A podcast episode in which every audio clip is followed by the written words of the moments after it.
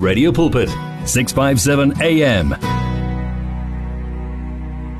Yebo kunjalo udumo lomfanele uJehova ngoba ungcwele futhi umkhulu and uphakeme eh bayasho la ithelo ezikamoya phambi kwabo uBrian Courtney Wilson uthi hope saved my life siku final hour njoba selishayile elesine ihora eh 5 o'clock la sihlukana khona eh 19 after 4 um ngishilo ukuthi uma ngibuya ngibuya ne power couple eh um u Faith kanye no Romeo Mabasa sanibonani Yebo. Anise ah, bahle. He omunye uyashoda la, omunye uyashoda la. Ah, ukushoda bani? Singibone khuluma. 1 2 All right. Eh. Uh, Hello okay. sisi. Good afternoon. hey, sanibonani. Yebo bahle. Ah, sing Wa wa kuhle ukufika hey nokubona ba nokubona yes hey nishaye ngelemon sama kama theme his and hers yes power couple lebazalane the mabasas yeah eh ngiyanamukela la ekhaya kanti kuhle ukuthi um ngibe nani eh, inyanga yothando le Yes. Mm. So si celebrate uthando. Yes. Bengisasho phambilini um eh, babamabasa ngithi abanye abazalwane basasenenkinga ya this Valentine mm. ukuthi um why abazalwane ba celebrate iValentine it's not about Valentine. Yes. It's about love. Ngoba yep. uNkulunkulu esemkhonzayo uthando mm -hmm. yes. and uthando uNkulunkulu. So it means ukuthi if you can't celebrate uthando awumazi mm. uNkulunkulu mm. and mm. it means ukuthi aw celebrate um yes uNkulunkulu ngoba yena uqobo lwakhe uthando so true, yeah. wena what's your view kule ndaba ye celebrate um eh, inyanga yothando do you want to go first uh, yeah thank you hmm. so much uh bahle for for me I I truly believe in love and yeah. like you said kuthi uNkulunkulu uthando yes. so kucala ngaye yeah. yonke into uyena isicalo empilweni yethu yes. and if if we saying we celebrating love it means we are celebrating our god that he has gifted us from the beginning yes. he has given us love yeah. and it's so beautiful because with the month of of of love you know um celebrating valentine it's like we're taking it a step further to say mm. the love that god has given me and you know ukuthi we we we showing it to other people yeah. and even with Valentine or the month of February it's not um only ukuthi we need to share it with our spouses or our partners yes. you know it's for me this is that that's my belief sharing it holistically yeah. nabantu baka bakaNkuluNkulu isidalwa zikaNkuluNkulu because yeah. he has created us mm. from his love yeah. and with that love we need to share it with other people yeah. i can celebrate my valentine with you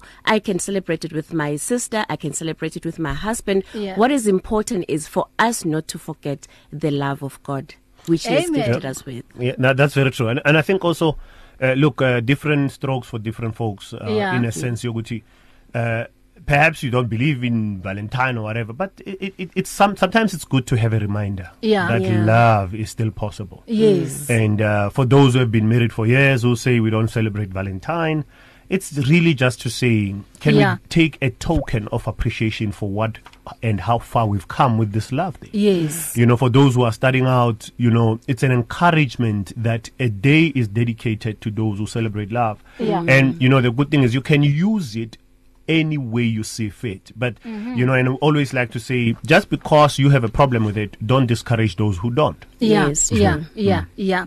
So um before sizoqhubeka ngendaba yethu ngicela ukundlulisa na umyalezo.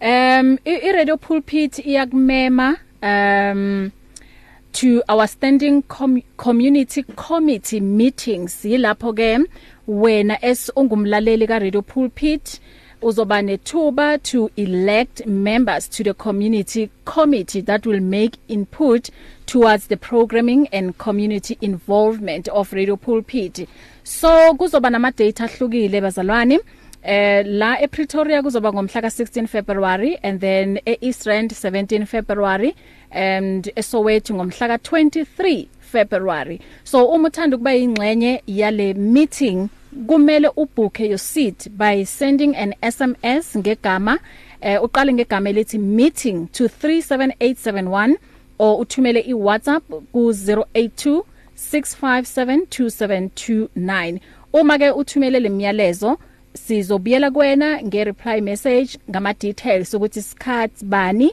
and then izoba kuphi i meeting so siyacela bandla ukuthi niwathumele lawo ma meeting ukuze nawe uzoba ingcenye and eh, lawo ma SMS ukuze ukuze uzoba ingcenye yale meeting 23 after 4 o'clock so today sikhuluma la eh nge relationship eh, relationship framework Um mm. uma sikhuluma nge relationship framework yeah. ngicela nisichazele kahle ukuthi sikhuluma ngani So relationship framework you see uh, those of us who understand business yeah um for you to understand which industry you need to get into yeah uh, most industries have ama frameworks yeah and the framework will help you to understand the best way to start something okay so a framework uh, if we can you know uh, define it it's a process that helps you to start at a guaranteed position okay mm.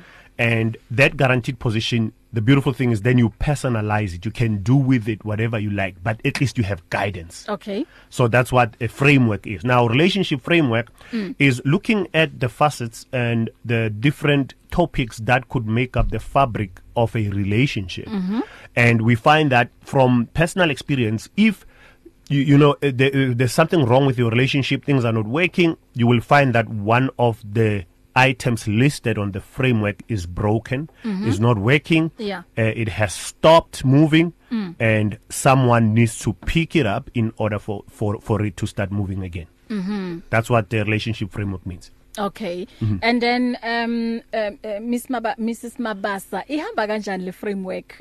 So le le le framework um sisami ukuthi siyenzele in a way ukuthi it's good for someone who says um looking into getting into a relationship yeah right mm -hmm. and angithi siyazi ukuthi futhi kulamalanga eh maybe it's it's sekule sekule noma ukuthi ayazi ah, siya whatsappelana eh okay let's go on a date eh sifike siyadla and eh siyakhuluma nje under general mm. eh okay or maybe like ask a few questions but it is important to go to um a date or to meet a potential partner yeah. and knowing to what right questions to ask and you know when what is important to you yeah. i'll make an example for instance um go relationship framework we talk about spirituality mm -hmm. right so for me as a faith i know ukuthi spirituality it's something very important to me yeah. it's something that i'm not going to compromise whether this potential partner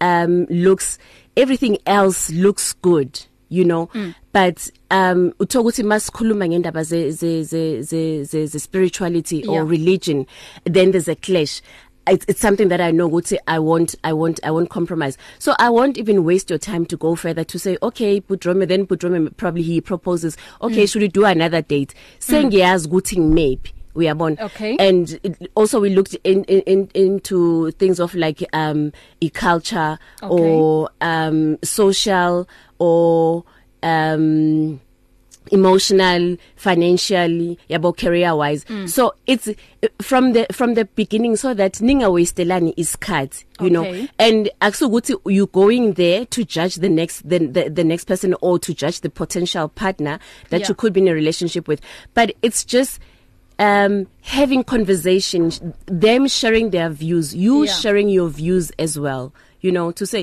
i mina umuntu wenkosi eh ngumuntu eh nesonto and uh, this is my belief and i i believe ukuthi eh ngenza izinto ngenqhubo kanje kanje kanje kanje mhm. then uyambuza wena what are your views on spirituality yes. or what are you believing in you know so kunsiza mm -hmm. eh e-, entweni eziningi even if noma you take you, you taking it to another step sekuthiwa senishadile mm. we know ukuthi okay we've discussed indaba ye spirituality sekunabantwana la e-, e-, emndenini siyazi ukuthi abantwana okay if so too we believe in in in in indaba yesonto so we know ukuthi we taking our children with esontweni unlike ukuthi you never had that conversation mm. now sesi sesichazene ngiyambona ukuthi hey he looks uh, good he's got a six pack u drive imoto enhle ngiyithandayo in in but what was important to me we didn't discuss in the beginning yeah. sesi sikuoverlookile si, lokho or rather mina as ku important ngikuoverlookile yeah. sesingena emshadweni now sebayafika abantwana eh now upartner sekathi hayi mina ngisumuntu nesonto o mina ngifuna ukuziyela le eh nami ngithi hayi mina ngibeliveli kuleyo kuleyo eh, eh, bandla sengibelivela so yabona manje there's a conflict already and awusazi nokuthi abantwana okay abantwana sebala seba in the middle ukuthi okay abazi ukuthi sihamba nobaba esontweni mm. or sihamba noma esontweni mm. so it's very very important for us we, we feel ukuthi it it really helps at a very early stage of Ilona i, mm. i relationship or a potential relationship Oh kusho ukuthi kahle hle ukucheka ukuthi wena nalomuntu ni, ni compatible yini yes. and ningakwazi ukuthi ni nihambisane lendlela yes, yes. and then if zikhona izinto ukuthi niyaclasha kuzona nilungise if uh -huh. ziyalungiseka yes. isikhathi sisesekhona kungabi yes. indaba yokuthi hayi um kuthiwa ku relationship niya niya compromise izinto yeah, ezinjalo yeah. Mm. yes nizwane nisaqala mm. ukuthi hayi mfowethu mm. uyabona mina eh kuleli sonto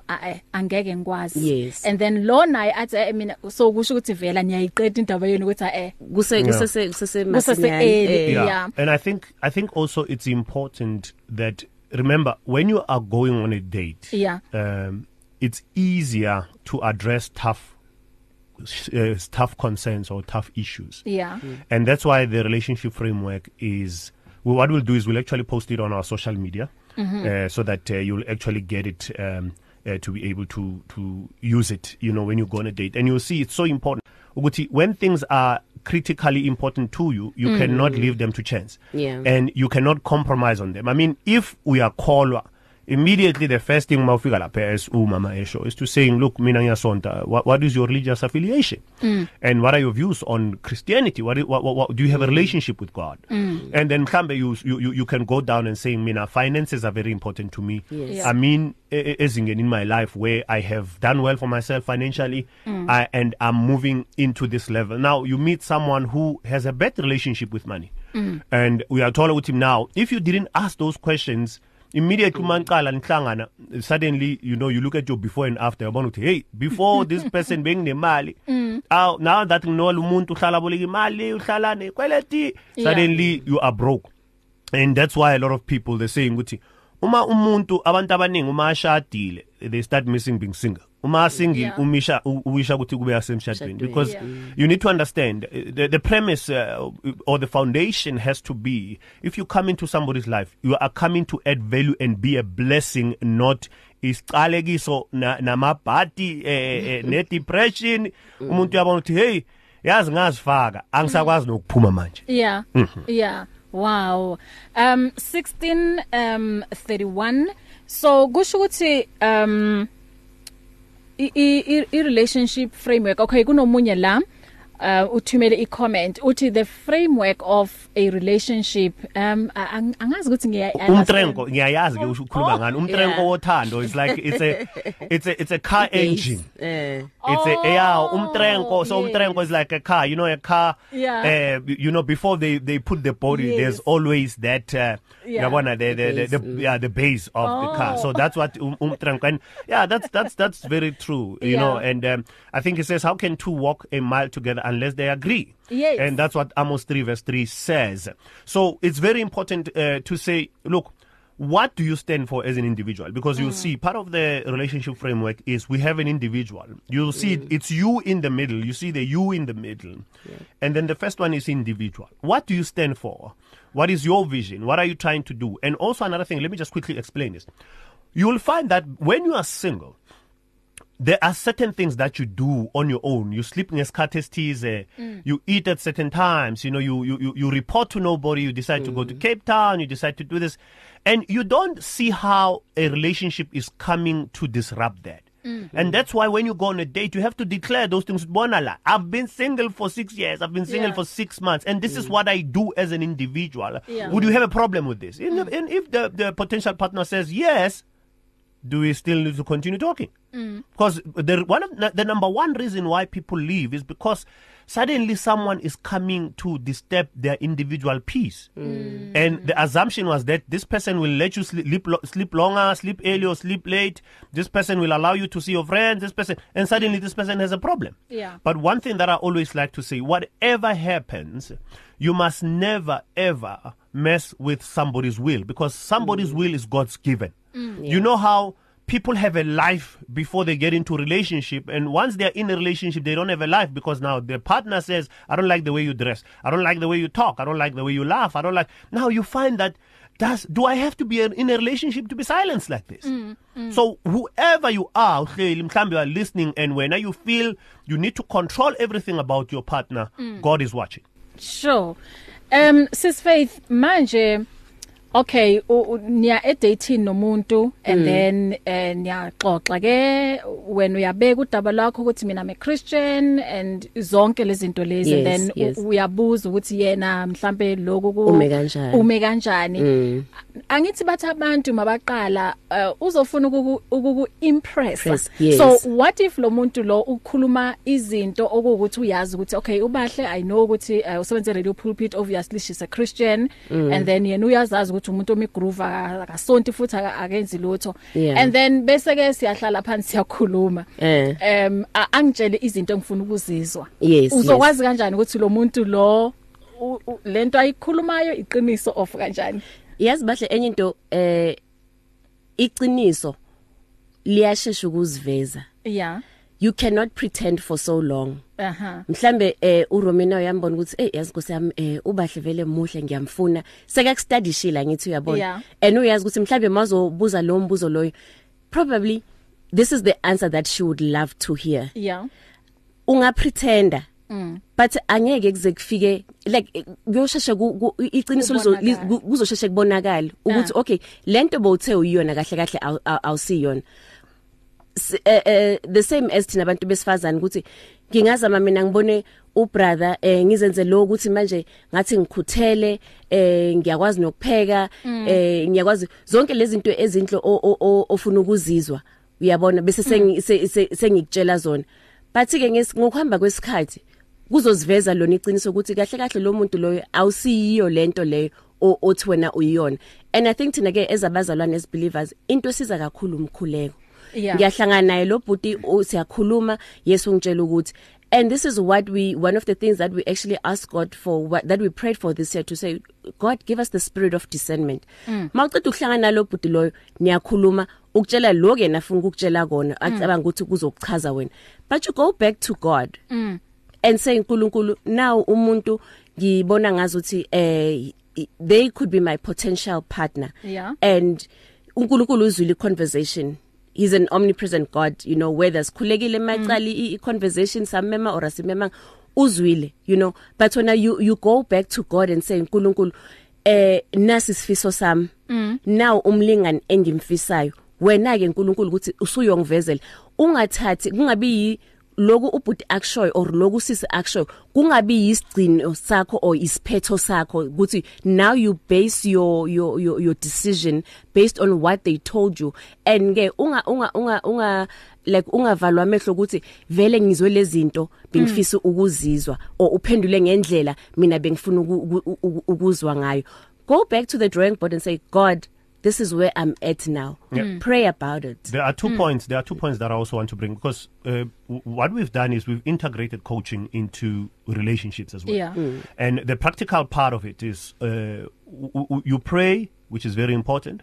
But also, you know, the good thing about social media, everybody's interconnected. Yeah. And mm. one of the practical things you can do is uh, search the name of the person. Okay. You'll find that they might be, you know, how social media will say mm. uh, so and so is connected, connected to someone to you already know. Mm. mm. So there's no harm in picking up the phone or sending a message to saying, Bona, uh, I'm potentially going to on a date with this person. Yeah. What do you know about them? Because mm-hmm. we uh-huh. need to be practical. That's the first point. Mm. The second point is you need to also check the importance of um, you know, uh uh, uh, uh, uh, more than anything, just search their the entire social media. That's number one because yeah. people post a lot of pictures. Yeah. And then the the last point that I wanted to make is that I also want you to check yourself because sometimes we make decisions on how we feel at the time. Mm. mm. You might mm. be going on a date because you are lonely, mm. yeah. and your what influences your blind us mm. is the mm. fact that you are tired of being lonely. Alone, yeah. So what you need to do, you need to be practical and saying, even though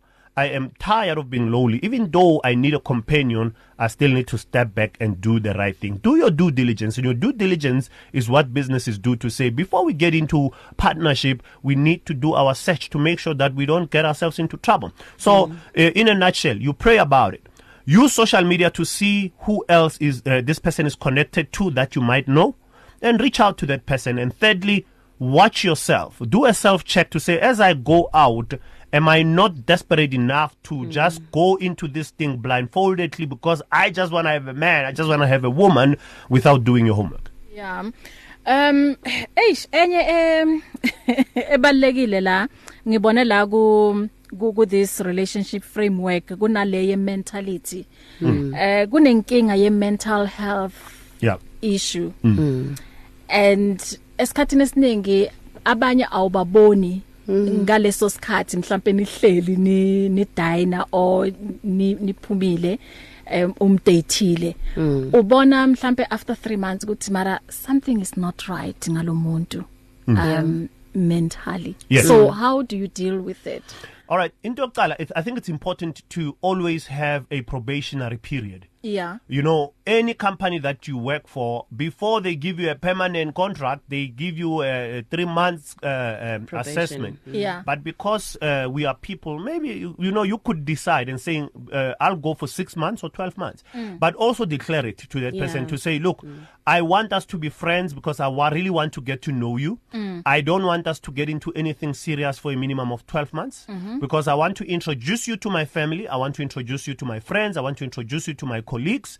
And then uh, at the end of the day, I want us to spend more time talking because the beautiful thing about probation is hitting the truth without compromising it. Mm. Because now, once you get romantic, then you know you start missing each other then you that's how you drop you yeah, drop the ball difficult. okay mm. so uh, uh, the issues of mental health is not something to joke about and you don't disqualify people or you don't judge people based on mm. what you mm. found men, uh, in in the in the issue of mental uh, challenges what you need to do perhaps you were not the man or the woman for them, but you will help them to get help.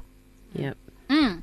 Okay 20 before 5 o'clock ngiyathemba bazalwane eh iyazwakala indaba la oh ubongani the author wekhuluma ngo Yes I wanted to say shout out man shout out uh, bongani the author Uh, you're doing I, some amazing things, my brother. Good to connect with you, man.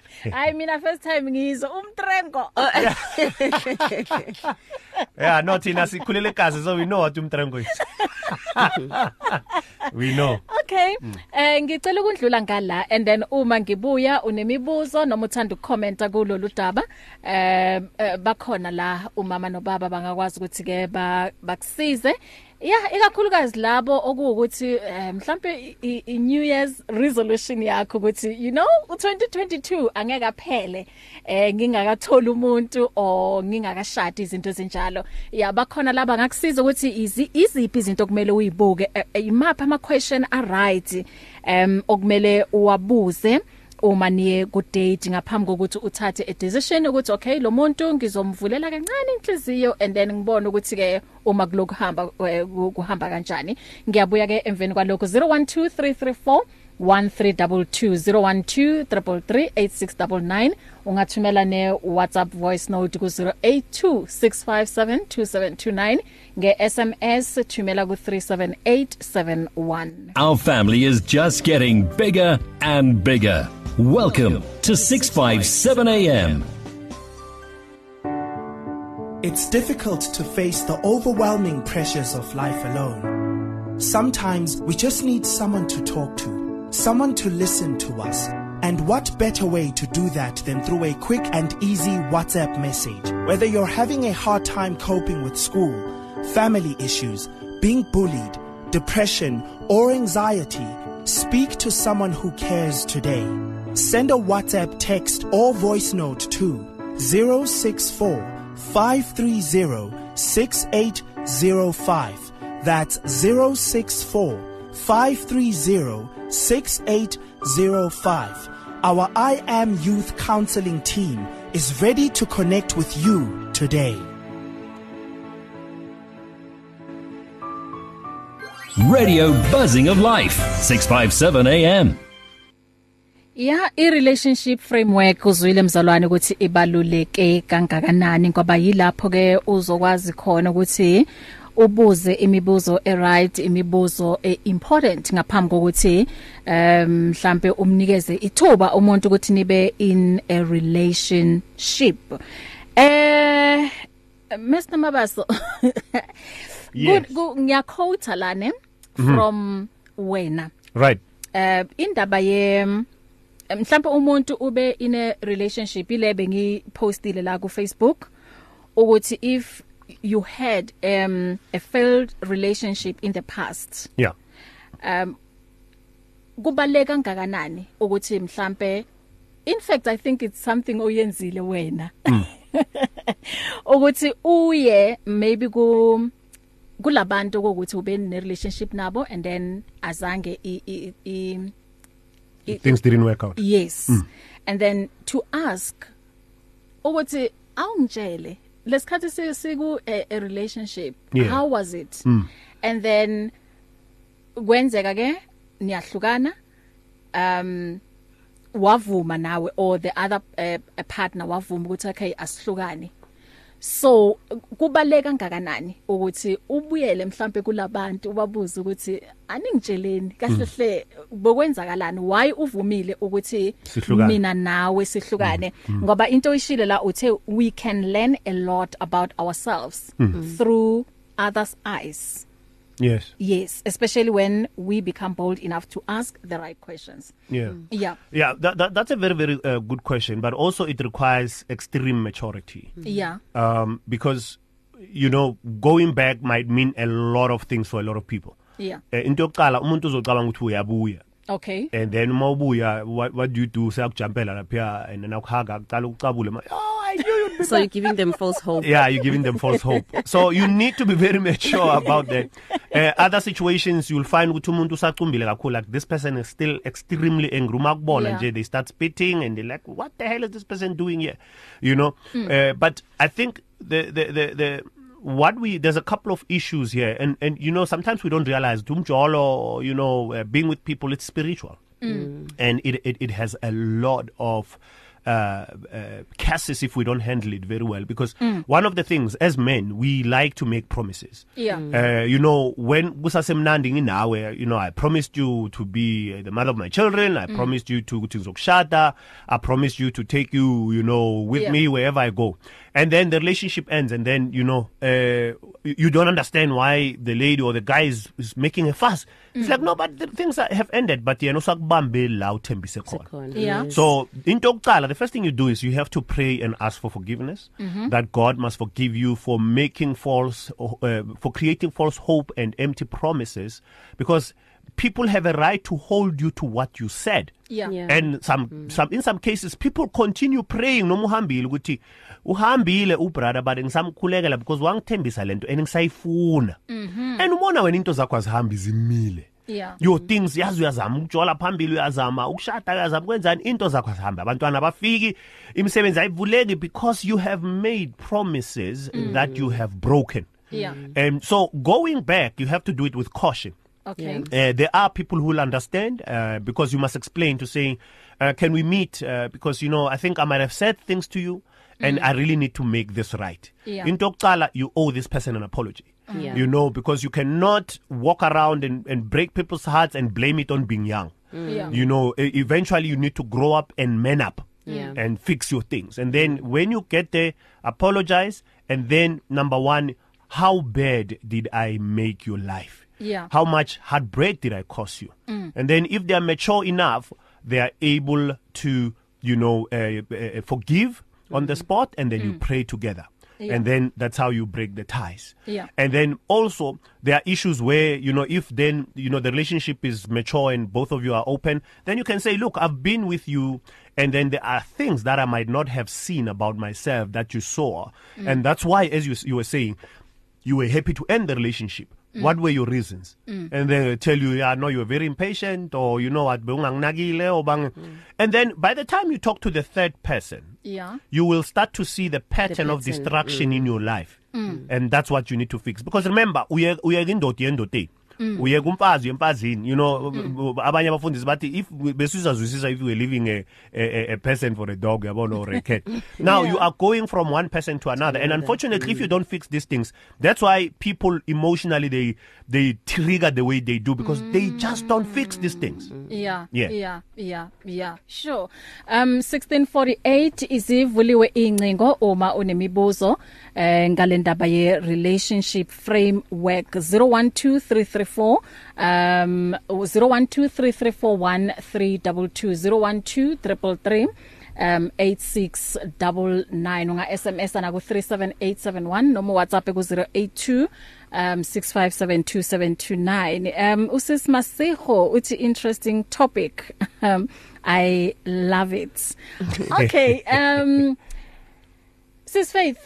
Yes ma'am. Uyakhuluma nomuntu um mhlawumbe uyambonisa amaphutha akhe yes. senihlukene mm. and then uh, lo muntu still akaboni ukuthi um ikhona into wrong especially wakubona mhlawumbe ngiyakubuza ukuthi why uhlukene nosibani bani mm. esikhatini esiningi mina mm -hmm. ngizokhuluma izinto ezibhethi ngaye mm, ngaye mm. and then wena esikhathini akusikaningi umuntu athi yazini bona ngone yes mm. Eh, eh, that guy or that woman mm. beka right mm. i'm the one who messed up yeah. asikaningi mm. uthola ukuthi em abantu uma behlukene mhlawumbe omunye ngathi hayimi engisephutheni uyabona izinto ezinjalo mm. so um ingamlimaza kangakanani lo muntu lo ukuthi mhlambe bekafuna ukuzolungisa and then mhlambe abona amaphutha akhe ithi mm. makangena kwenye irelationship or mhlambe angena emshadweni mm. kube ukuthi uyalungisa la lungisa khona yeah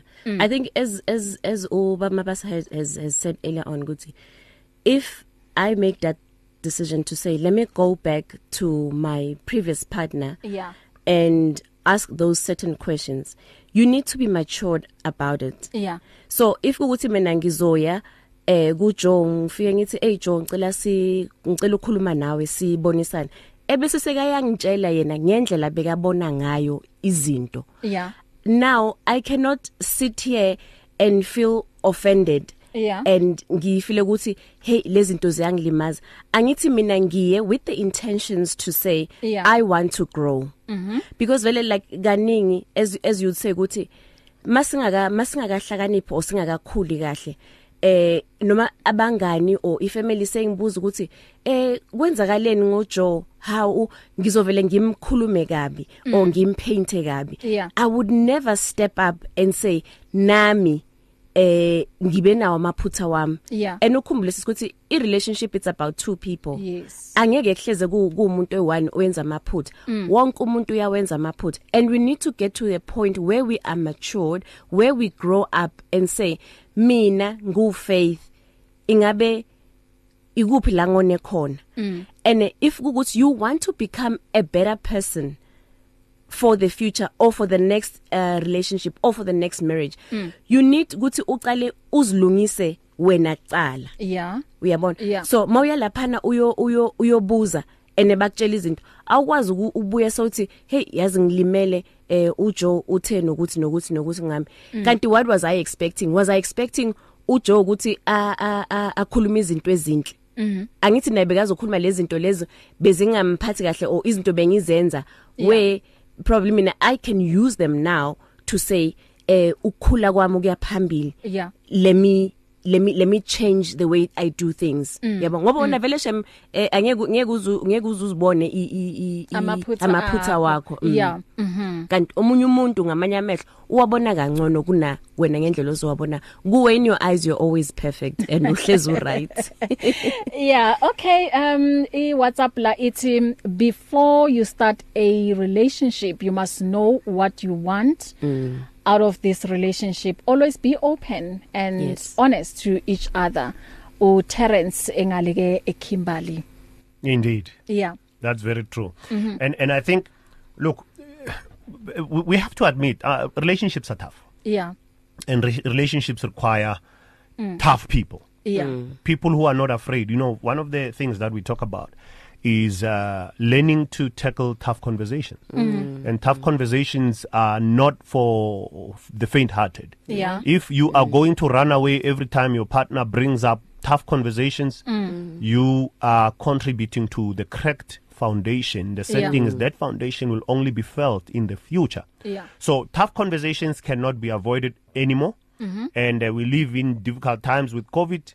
Uh, it's important for us to be honest from day one. Yeah. And just say, hey, what are we? What do we want from this relationship? I mean, yeah. we, we we went to another event and we we're talking about a topic called uh, lazily in love. Mm. And lazily in love is people who umancala kumnandi and then sewujwayela indawo manje akasanaki akasakhathali familiarity akasa mm. they don't pull their weight anymore you know so uba umsindo Yeah. eh uba i, i, e, e, e uba heavy but a burden, a yeah, burden yeah, yeah. Eh, eh, eh, in their partner's life so what mm. we are saying is that at one point uh, you ask god for that partner yeah and mm. for you mm. to take that partner for granted today mm. what are you saying to god mm -hmm. mm. Mm. Sure 012334 hey abantu ba right yazi ba right abanayo imibuzo 0123341322 um okay sisilalele la i voice note ukuthi uthini ukhalimambo Asibingelele inkosazana indaba inkulu kakhulu indaba futhi yezwakala kahle eh imnandi le ndaba kodwa ke indaba yebudlelwane imoshwa ukuthi abantu bayibambelela kakhulu basafuna ukubhekana eh kuze konakala izinto uma umama sithi mina ngumdala umama evumile siya kubazali bakho noma khona kubomalume le eh kuhambe le family yami le yokhanda ubuhlobo le kusuke le kuyiwe kumfundisi umfundisi lo osebenza kandaba zabantu umfundisi lo osebenza ngomuntu osebenzele kwakomishini lokushadwa khona le kunomfundisi okuhlale njengasehelexdale kunomloyo mfundisi lo mbishopo wemshado wasetsakani yonke ibrakpan yonke manje ke kuyiwe laphayana kufike kubekwe indaba laphayani ke asihambi soba besihamba sesinithi isiyifemile manje ke lento le isuka imoshe la ukuthi seyisuka indaba iyozwakala enkonzweni la sikhonza khona eh umfundisi mhlawumbe angamthandi lo makoti lo mhlawumbe lensizwa angayithandi umfundisi abesathi ha ah, le nsizwa yakhona le ichiwananyana le mhlupheki manje wena ungathandana nomhlupheki nje umuhle kangaka um asingenhleki leso mani laba unwana uranzele uyabona sokuthelakala umhlaba lapha kufuna into ecinisa ingathi ezothatha isikhathi ibambezeleke kanti mamnkosazana Kalimambo. Ay siyakuzwa baba. Uyazi siyakuzwa. Okay, eh kule 2 minutes esiselele asikhulumeni ngendaba yama finance. Yeah. Eh ku first date ungambuza umuntu ngama finances wakho ukuthi ame kanjani? Yes. Yeah. Yeah, you can, uh, but you don't ask how much money. Yes. Okay. Mm. You can ask what is your relationship with money. Okay. Yeah, so mm. what do you understand? Like I w and sometimes you can ask in a in a more like teach me. Okay. You don't have mm. to be you can you don't have impose. to impose. Yes. You can actually just say, look, I mean um, we, we there are different views about how to handle money. yeah. and i'm sure as someone who's been in a relationship before you've you've you've had your fair share of challenges especially yeah. if you've met a partner who was not good with money mm-hmm. how did you navigate some of those challenges and what is your relationship with money yeah. that's how you phrase it mm-hmm. yeah but it's important that because remember i always say when you are invested in a relationship or in in love mm. you cannot set yourself up with someone who's going to make you fail, fail yeah. Yeah. you know if you're going to if i'm going to say to faith it i want to marry you faith needs to know that i have the money yeah. i've got the plan mm. and the plan is tangible it's something that i can do Mm. So you need to ask and that's why I'm saying the sooner you ask the tough questions in the beginning the better the, better the relationship. Yeah.